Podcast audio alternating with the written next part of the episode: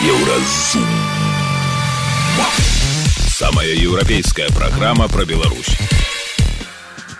Вітаю, гэта праграма Еўразум. І самыя важныя падзеі сэнсы аўторка 12 снежня. Кіраванне краінай на адлегласці. Чаму Лукашенко сядзіць у Дубаі? Чалавек знаходзіцца ў адпачынку і, і адпачывае там. У Брусселі вырашаюць, як у наступным годзе працаваць з беларускімі дэмсіламі. Вот эта формализация отношений, о которой мы говорим, обозначает, что Беларусь э, не будут обсуждать один раз, вот точечно, и забыли, что это уже такая налаженная работа, и в промежутках между встречами работают представители демократических сил.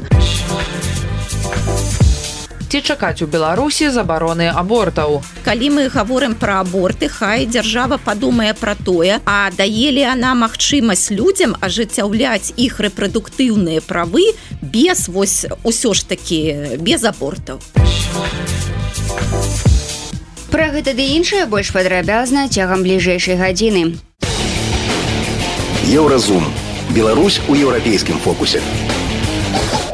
Ужо два тыдні, як у Беларусі тэстуецца мадэль кіравання краінай на адлегласці без непасрэднага удзелу Лукашэнкі. Як заўважае гісторык і палітычны аглядальнік Александр Фрыдман, эксперымент праходзіць удала, без здарэнняў. Беларускі кіраўнік наведвае экзатычныя краіны, адпачывае і, верагодна, рыхтуецца да адыхода ад аператыўнага кіравання, каб засяродзіцца на агульным кантролі. То бок эксперт намякае на сцэнар так званага транзіта ўлады, калі Лукашенко ўзначаліць усе беларускі народны сход, а фатэль прэзідэнта зойме, напрыклад, Наталья Качанова. Але чым адметныя вось гэтыя два тыдні? У чым сутнасць сустрэч Лукашэнкі з лідарамі краін, з якімі ў Беларусі амаль няма кропак судакранання. Пра афрыканскі тур Лукашэнкі з Александром Фрыдманам пагутарыў зміцер Лукашук. добрый день спадар Александр Добрый дзень спадар Зміцер вітаю. А розных я чытаў аналітыкаў і аглядальнікаў што ж ён ўсё ж таки што яго цягне туды у Афрыку Ну можна с аднаго боку зразумець у Беларусі зараз зіма холодна а там можна костачки пагрэць і не толькі костачки усе астатнія там а, што нарасло але ўсё ж таки калі больш сур'ёзна у чым вам бачыцца прычына гэтага афрыканскага турне? Ну я б тут сказаў что гэта канешне лагічна абсалютна тое что ён імкнецца шукаць новыя магчымасці для сябе. Таму что ў Европа яму закрытая злучаныя штаты зразумела таксама паўднёвай Амерыкі лацінскай Амерыкі там ужо асабліва нічога апошнім часам не атрымліваецца. Нават гэтае партнёрства з Венесуэлай но яны яго збіраюцца зноў актывізаваць але тут асабліва не атрымаецца не атрымліваецца. Ну што яму застаецца акрамя постсавецкай прасторы? Трэба шукаць новыя магчымасці для УКФ для эканамічнага супрацоўніцтва. Таму гэта і Афрыка. Чаму так шмат за один раз? Ну ведаеце тут мне падаецца адразу некалькі момантаў. ну, першае лукашенко відаць гэтыя усе поездки яны ему так лёгка не даюцца таму ён для сябе напэўна вырашыў что калі ўжо выехаў трэба рабіць як мага больш за один раз. Ну а другое пытанне пакуль же няма міжнароднага ордера на арышт лукашэнкі але ён можа з'явіцца. Калі ён з'явіцца дык вандраваць по свету будзе куды больш рызыкоўна куды цяжка. Вось гэта такія моманты каб кантэкст разумець іншае пытанне гэта экватарыяльная гвінея Ну там ён павінен быў туда ехаць у яго іншай магчымасці не было. Прэзідэнт гэтай краіны з другой спробы але ж ўсё ж таки у Беларусі з'явіўся. Першая была яшчэ у чэрвені ён павінен быў прыехаць і ў мінску Москву але ў той момант здарыўся мяцеж прыгожана і таму прыйшлося ад не адкласці. Потым ён прыехаў прычым прыехаў адмыслова ў мінск ужо ў Москву не ехаў. Супрацоўніцтва яны пашыраюць яно такое усебаковае. Так что тут э, трэба было ехаць і трэба было сустракацца но ехаць у одну экватарыяльную гвінею лукашенко конечно не асабліва было цікава бо краіна маленькая магчымасці абежаваныя хотя і ресурсаў там хапае Ну і пэўны поспех у них это атрымалася зрабіць яшчэ другі пункт у гэтым тэрне атрымалася у сур'ёзную дарэчы краіну Кенія гэта у пэўным сэнсе поездка туды ў Кенію гэта поспех лукашэнкаўскага боку. Але тут было бачна гэтай падчас гэтай поездки ў Кенію что там амаль нічога не было падрыхтавана. У выпадку экватарыяльнай гвінеі так ён ехаў туды дзе яго чакалі там уже былі подпісаны падрыхтаваны документы і проекты А тут усё як ён нават казаў Ну вось мы жадаем з вами супрацоўнічаць мы запрашаем вас калі вы пагадзіцеся з нами супрацоўнічаць Так что там было відавочна что такі досыць экспромт атрымаўся і лукашенко паспрабаваў увогуле заваяваць прыязнасць кенійскіх уладаў у надзеі на супрацоўніцтва. І там пакуль нічога не зразумела. З экватарыяльнай гвіней так там будуць раней далей працаваць. Гэта ўсё канешне досыць абмежавана бо з магчымасці у гэтай краіны не такі ўжо вялікія. Кенія зусім іншы варыянт Ну пакуль не зразумела ці атрымалася нешта лукашэнкі там насамрэч. Ну як мне падаецца нават у адру у параўнанні з Китаем не вельмі атрымалася тому что у Китае ён нават вон китайскіх студэнтаў хоккей вучыў граць. А тут тут ні разу на хоккейную пляцоўку не выйшаў Ну что это за візіт такі? Не ну там сам насамрэч ён быў такі досыць скомканы.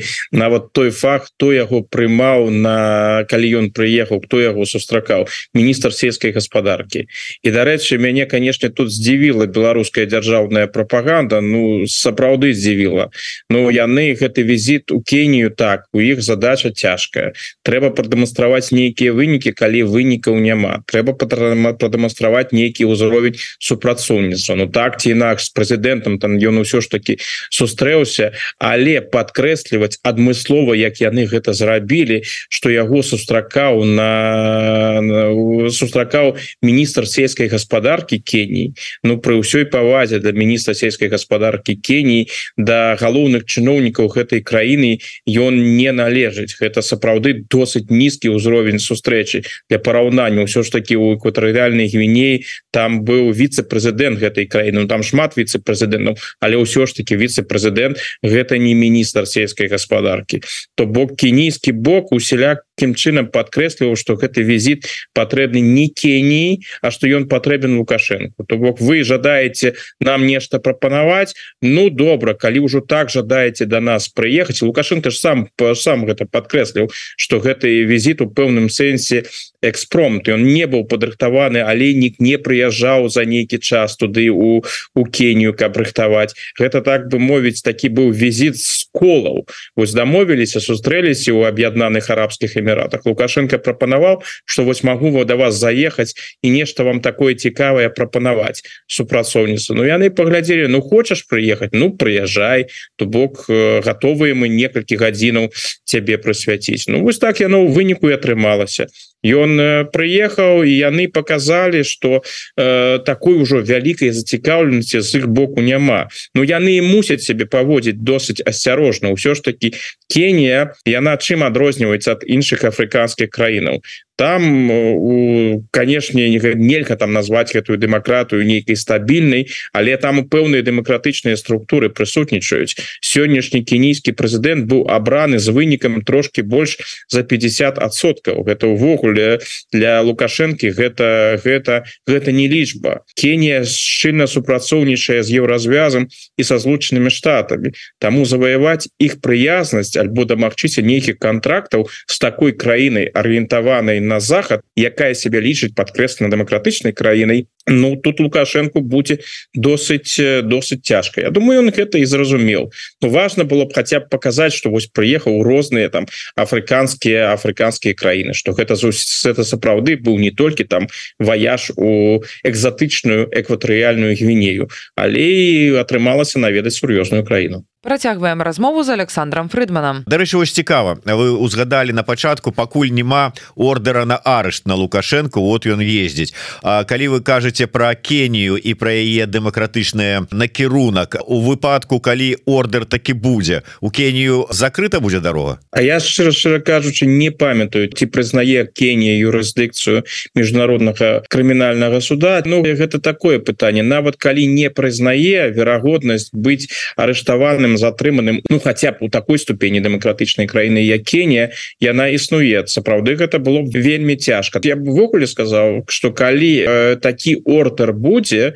дык у лукашэнкі будуць праблемы з паездкамі паўсюдна ну акрамя Росіі Ну і напэўна Китая. Нават сёння вось бачыце калі гэтага ордера няма лукашенко усе свае поездки якія ён робіць інфармацыя ідзе вельмі дазіравана Ну такой нават смешнай сітуацыі калі яны абвяшчалі про яго поездку яшчэ одну афрыканскую краіну яны нават у гэтым выпадку не паведамілі куды ён накіраваўся? Яны вось зараз яго нават перамяшчэнні хаваюць напэўна с як мне падаецца з прычынаў бяспекі. Бо яны лічуць что ну можа на як лукашенко там палююць нейкія заходнія выведкі іншыя так что рэпс лепш гэтую інфармацыю не паведамляць. І гэта сёння калі нейкіх ордераў няма яшчэ нічога не маю. Начыненні до лукашэнкі ўсё спакойна. А калі такі ордер будзе Ну я думаю яго магчымасці вандраваць по свету яны будуць э, куды меншыя. Я хотел бы яшчэ вярнуцца до да, пытання экватарыальнай гвінеі.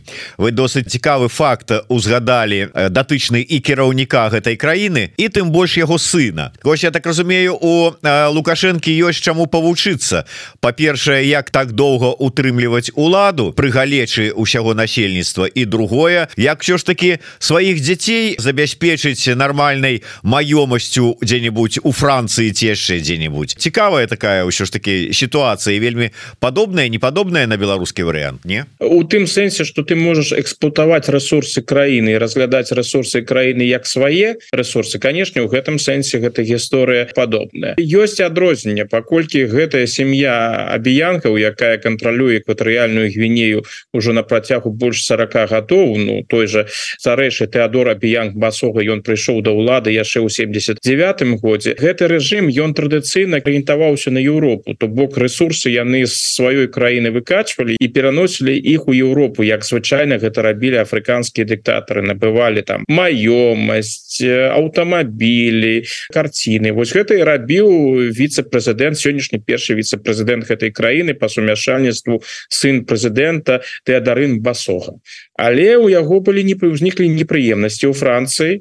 У ты 2019 годзе і пазней былі працэсы супраць яго яго нават арыштавалі маёмасць праз карупцыю. І гэтая ўлада зразумела что захадам мець справу Ну гэта такая рэч вось можаш туды перамяшаць свае грошы а ў один момант атрымаеш праблемы абвінавачанні у карупцыі. Таму яны больш так не робяць. Таму у іх і з'явілася гэтая антыкаланіяльная рыторыка у якой так карыстаецца лукашенко что вось там іх пакрыўдзілі былыя гаспадары калоніяў іншыя не жадаюць ім запрацоўнічаць выкачваюць адтуль ресурсы цікавы просто момант ён такі да досыць смешны ва ўсёй гэтай рыторыкі. Людзі якія знаходзяцца ва ўладзе уже больш за 40 гадоў нават раптам пачалі казаць про тое что ім не нехта перашкаджае развівацца. Ну а хто вам перашкаджаў развівацца усе апошнія 40 гадоў? Ну тая ж самая гісторыя у пэўным сэнсе лукашэнкі. Ён ж заўсёды падкрэслівае што яму там перашкаджаюць развівацца і іншае.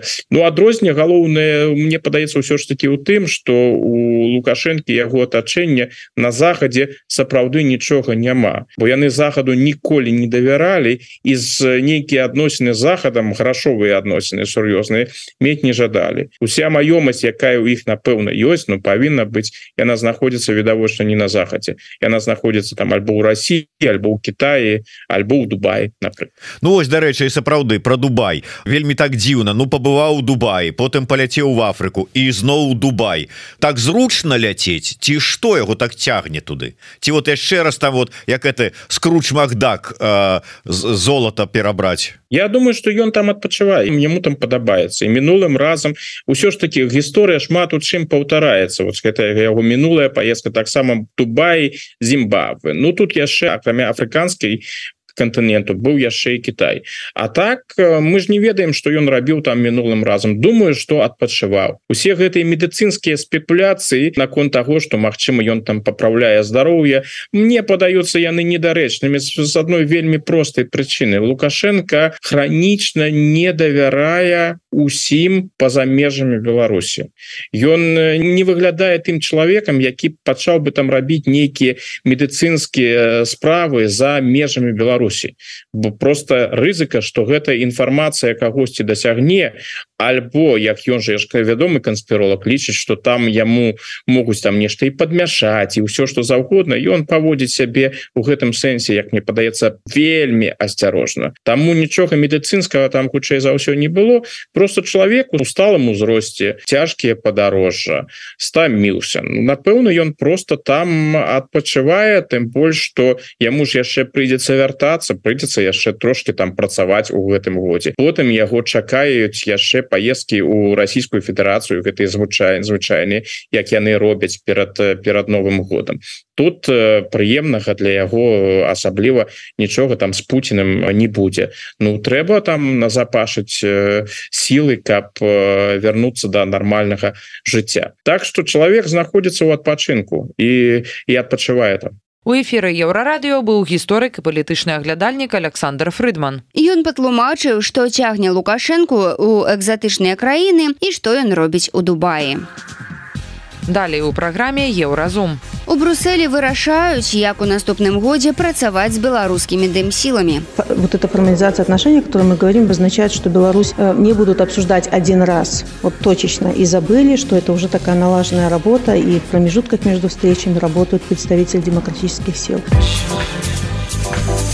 ці чакаць у беларусі забароны абортаў. Калі мы гаворым пра аборты хай дзяржава падумае пра тое а даелі она магчымасць людзям ажыццяўляць іх рэпрадуктыўныя правы без вось усё ж такі без абортаў. Сустрэнемся пасля музычнай паўзы і навінаў спорту.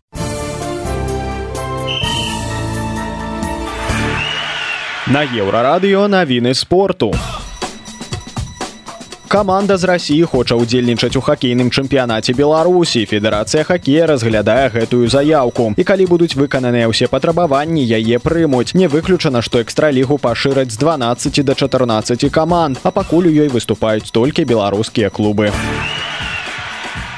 беларускі хакеіст ягор шарангович закінуў сваю 60тую шайбу у нхл аднак калгары прайграў каларада 56 у цяперашнім чэмпіянаце шаранговічам у 28 гульнях набрана 14 ачкоў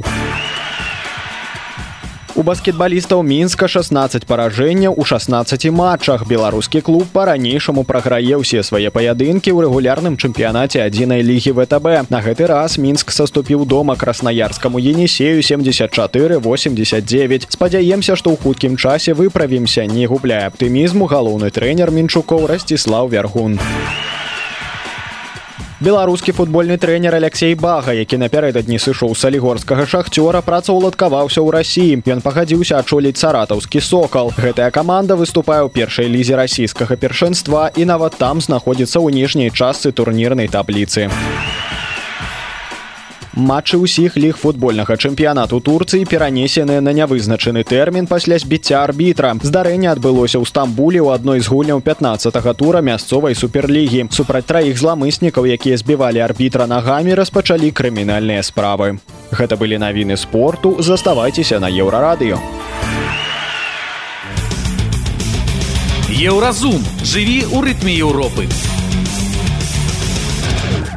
Пасля мінуладнёвага візіту ў Вашынгтон Святлана Ціхановская выправілася ў Брусель. Мы распавядалі, што учора яна сустракалася з вярхоўным прадстаўніком Еўросаюза Жазепам барэлем, які паабяцаў фінансавую падтрымку беларускай грамадзянскай супольнасці і запэўніў, што захад не здыме санкцыі з рэжыму Лукашэнкі, пакуль на волі не выйдуць усе палізняволеныя. У аўторак Ціхановская і іншыя прадстаўнікі дэмсілаў узялі ўдзел у сустрэчы кансультатыўнай групы Еўросаюз Беларусь. Мэта гэтай сустрэчы выпрацаваць канкрэтныя планы на 2024 год. То бок што ЕС робіць супольна з беларускай апазіцыяй? Як Святлана ціхановская ацэньвае дынаміку адносін дэмсілаў з еўросаюзам ці няма адчування што Беларусь цяпер не ў фокусе сусветных лідараў? Пра гэта нацыянальная лідарка распавяла выданню дойчавеле я не могу сказать что у нас забыли конечно Беларусь сейчас не в фокусе потому что ситуация в Украине потом ситуация э, Израиль Палестина. Естественно все внимание передвигает намечаются на острые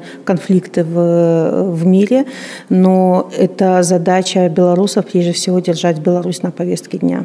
И весь этот год мы активно работали, чтобы формализовать отношения с, со странами Евросоюза. Вот у нас была большая встреча в Бундестаге э, групп за демократическую Беларусь э, парламентов разных стран. Это тоже такое э, довольно-таки большое достижение.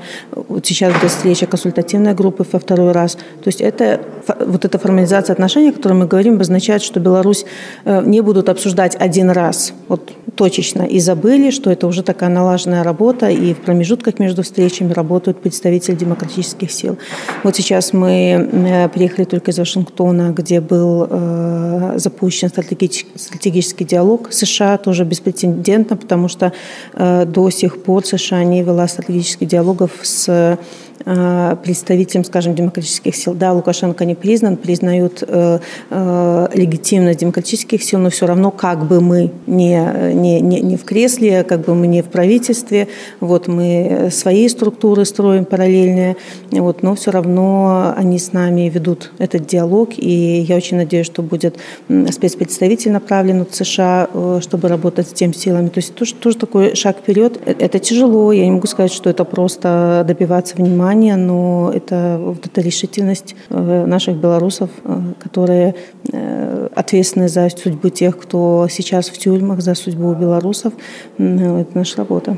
Пытанне беларусаў у літве ўсё яшчэ застаецца актуальным. Літаральна штодня прыходзяць навіны пра тое, што ў гэтай краіне маюць прыраўняць беларусаў да расіян і адпаведна абмежаваць іх правы. Ці не думала Святлана Ціхануская у сувязі з падобнымі наратывамі перавесці свой офіс у іншую краіну. Нет, у меня никогда такой мысли не возникало. Вильнюс это ближайшая точка к э, границе с Беларусью и Вильнюс, Литва в целом ведет очень позитивную политику по Беларуси Беларуси, конечно, есть изменение отношений к белорусам, там свои национальные, скажем так, опасения. И я думаю, что здесь дело э, самих белорусов показывать и доказывать, что э, мы ни в коем случае не угрожаем вашей национальной безопасности и, э, и тогда, не знаю, интегрироваться в общество, потому что на что, ну, какие основные, ну, если можно так назвать, претензии литовцев, то, что слишком много приехало белорусов, не хотят учить литовский язык, везде слышится русская речь, а сейчас на фоне войны против Украины это очень остро, острый такой вопрос, поэтому белорусам нужно больше проявлять активности, чтобы показать, что мы совершенно не нет у нас вот такого враждебного отношения к, к литовцам. И вот этот запускают тему литвинизм, Э, кто знает, тот поймет, о чем это. Да? Это то, что может нести раскол между, между э, белорусской и литовской нацией. То есть что вы советуете белорусам делать сейчас? Говорить по-белорусски в Литве? Или... Говорить по-белорусски, участвовать в литовских мероприятиях, пытаться учить язык. Это тоже надо. Даже сказать спасибо, здравствуйте на литовском языке уже приятно, э, уже приятно людям.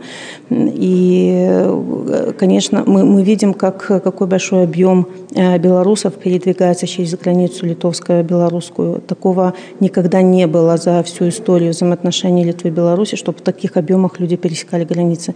Да, у литовцев тоже вопрос, почему, почему такое происходит. И понятно, что с э, белорусами, которые уезжают от репрессий, э, могут пересечь границу и въехать в Литву э, люди, которые на самом деле э, представляют собой угрозу национальной безопасности угрозу белорусскому демократическому движению. Это все вызывает опасения, но опять же наш основной посыл, чтобы не уравнивать э, россиян и белорусов, все-таки у нас другой контекст, и мы пытаемся помочь литовской стороне с верификацией людей. То есть потихоньку ну, надеемся помочь им перестать нас ненавидеть. Ну, сильное слово, нет, нет таких на самом деле отношений, просто это искусственно иногда форсируется, что вот там белорусы понаехали. Но на самом деле в Литве понимают ситуацию. С 2020 года очень сильно нас на, на политическом уровне и на человеческом поддерживали, поэтому ну, это все искусственно нагнетается. Святлана Ціхановская толькі што распавяла пра сітуацыю з беларусамі ў літве і пракаментавала стасункі беларускіх дэмсілаў з еўрасаюзам. Далей у праграме еўразум. ці чакаць у беларусі забароны абортаў калі мы говорим про аборты хай держава подумае про тое а даели она магчымасць людям ажыццяўляць іх рэпрадуктыўныя правы без вось усё ж таки без абортаў сустрэнемся пасля музычнай паўзы і навінаў шоу-бізу Шоу-біз.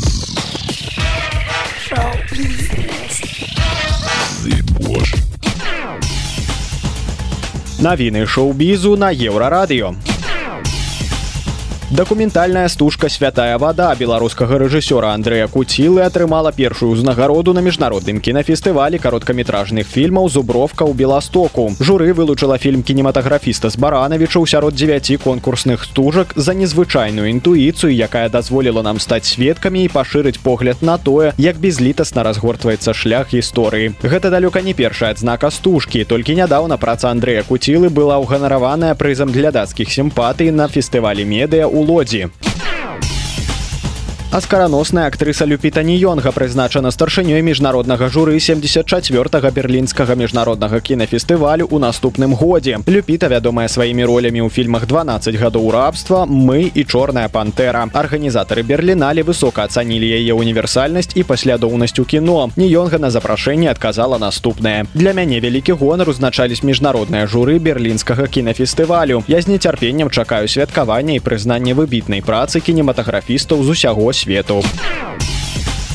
Тэатр папшэчны в варшаве. Запрашае ў суботу на беларускамоўную экскурсію за кулісы і па працоўнай прасторы супрацоўніцай тэатру беларускай рэжысёркай бажэнай шамовіч. Акрамя тэатральных калідораў схаваных ад вока гледача можна будзе даведацца працэсе творчага стварэння спектакля ад ідэі да прэм'еры. Хто менавіта прымае ўдзел у падрыхтоўцы рэалізацыі для каго тэатр штодзённае месца сілы гісторыі натхнення. Дазнацца пра тэатр як пра месца дзе мастацтва спалучаецца з актыўнай ангажаванасцю ў грамадства. Запіс запісы ўваход вольныя, але з папярэдняй рэгістрацыяй. Падрабязнасці на сайце тэатру папшэчнага.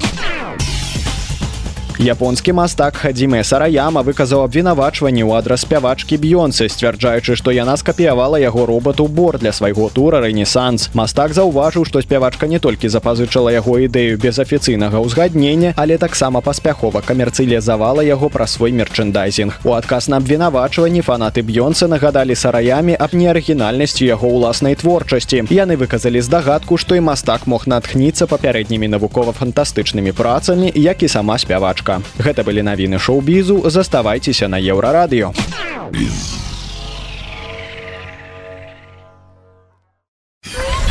Еўрарадыё кропка FM.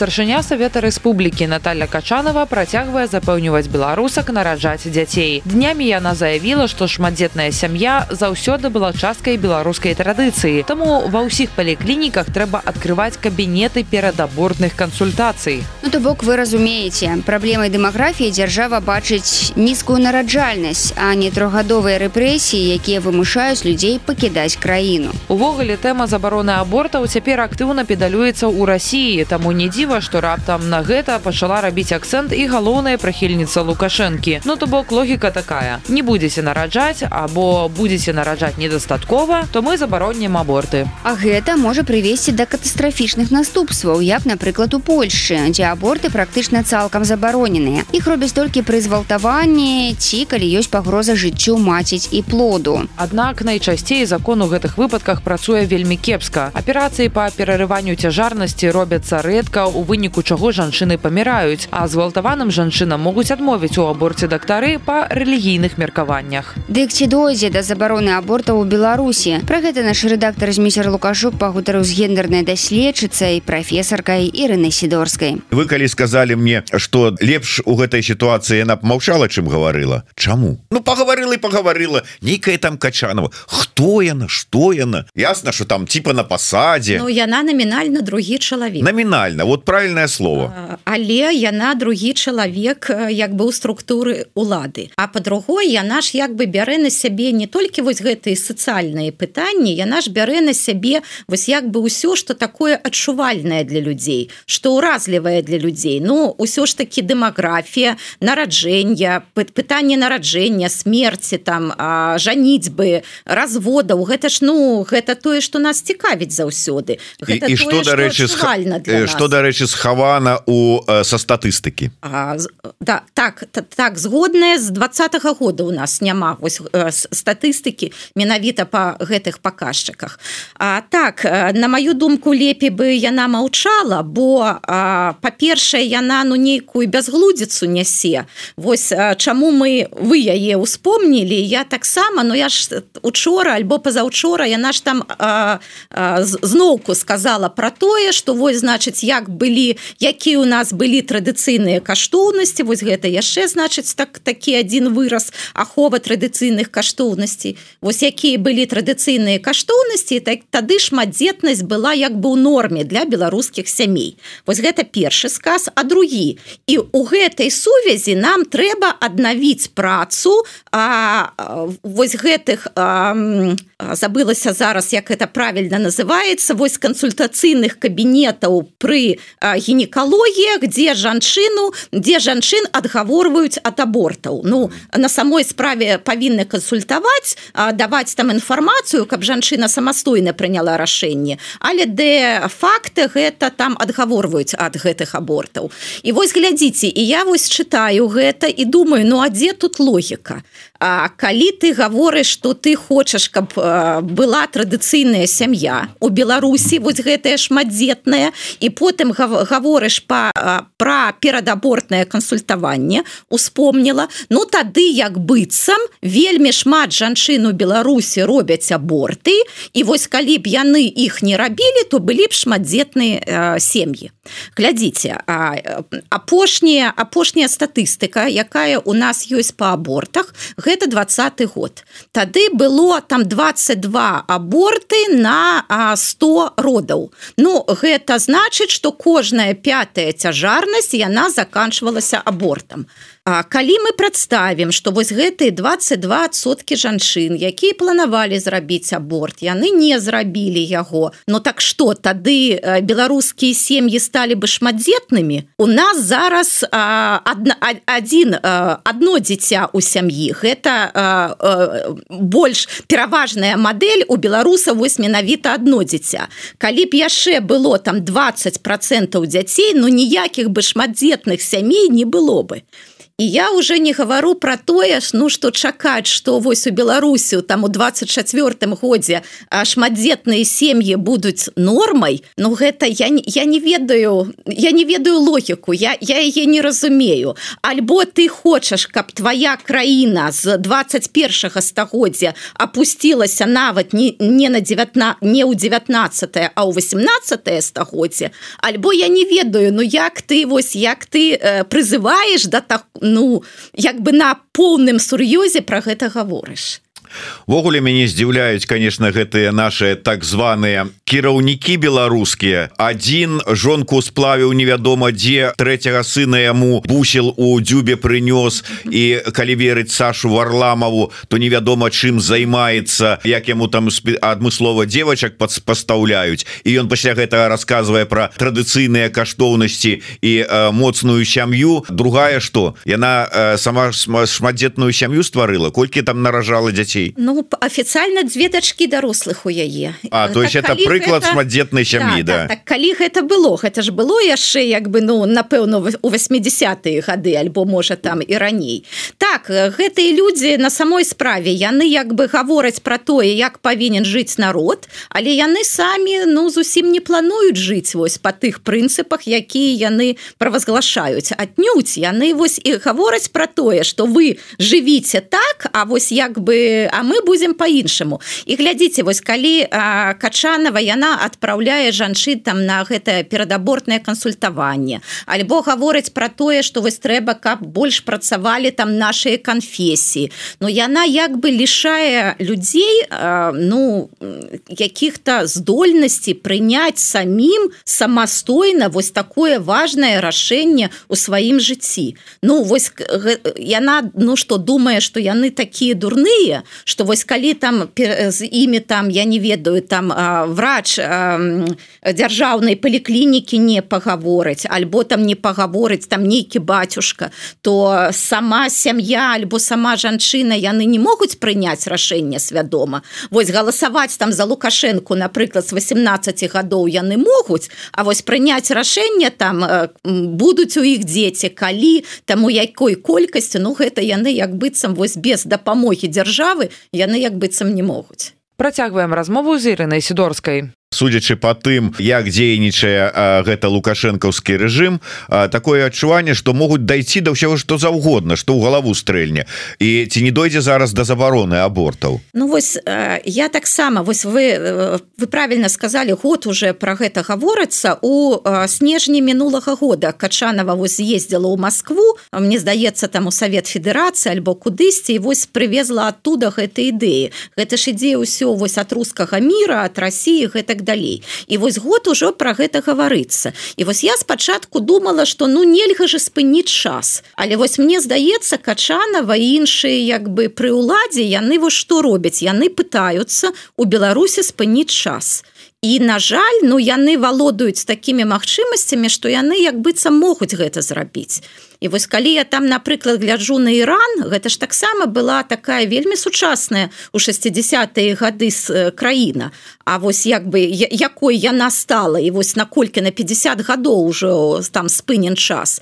І вось я таксама баюсь что у Беларусі ну вось у гэтай вось менавіта ў Беларусі Ну так можна на жаль можна спыніць час на ней зразумела на нейкі час але ну як гэта прыму прымусіць людзей вось 21 стагоддзя вяртацца Ну калі там вось аборты былі забаронены вось пры сталіне яны былі калі была другая сусветная вайна. Ну значыць вось на 70 на 80 гадоў назад вер, вернуцца. Я не думаю что ну там напрыклад заўтра будуць забаронены аборты але тое что яны будуць Ну па-першае напрыклад толькі ў дзяржаўных клініках. Ну вось напрыклад забяруць гэта ў прыватных клінік. А дзяржаўныя клінікі гэта вось гэта перадабортная кансультаванне гэта там яшчэ нейкія бар'еры. Ну і ўсё гэта А яшчэ я пра што хацела сказаць. Вось мы гаворам пра аборты. Безумоўна гэта права рабіць аборт патрэбна каб жанчыны мелі але глядзіце калі аборт гэта значыць что у жанчыны не было доступу да кантрацэпцыі і да інфармацыі про гэтую кантрацэпцыю. Таму вось калі як бы дзяржава змагаецца з абортамі хай яна падумае гэта дзяржава что яна не стварыла умоў калі у сем'яў калі у пар ёсць інфармацыя про кантрацэпцыю і гэтая кантрацэпцыя для іх доступная бо можа ну зараз яна ўжо такая дарагая что людзі людзі ж і на мінімальную зарплату жывуць. І у іх ну няма грошай на яе. А можа калі бы мінск не бярэм а бярэм там нейкі іншыя там э, і і іншыя месцы так можа гэтай там і кантрацэпцыі ўжо няма. Таму вось калі мы гаворым пра аборты хай дзяржава падумае пра тое а даелі она магчымасць людзям ажыццяўляць іх рэпрадук рэпрадуктыўныя правы без вось усё ж такі без абортаў Гэта была гендерная даследчыца Ірына сідорская. Яна паразважала пра рыторыку рэжыму наконт дэмаграфіі, традыцыйных каштоўнасцяў і абортаў. Еўрарадыё. Твая улюбёная хваля. Гэта была праграма Еўразум, штодзённы інфармацыйны падкаст еўрарадыё. Кожны дзень мы распавядаем пра галоўныя навіны Беларусі і свету. А сённяшні выпуск скончаны. Беражыце сябе, пачуемся. Еўразум. Самая еўрапейская праграма пра Беларусь.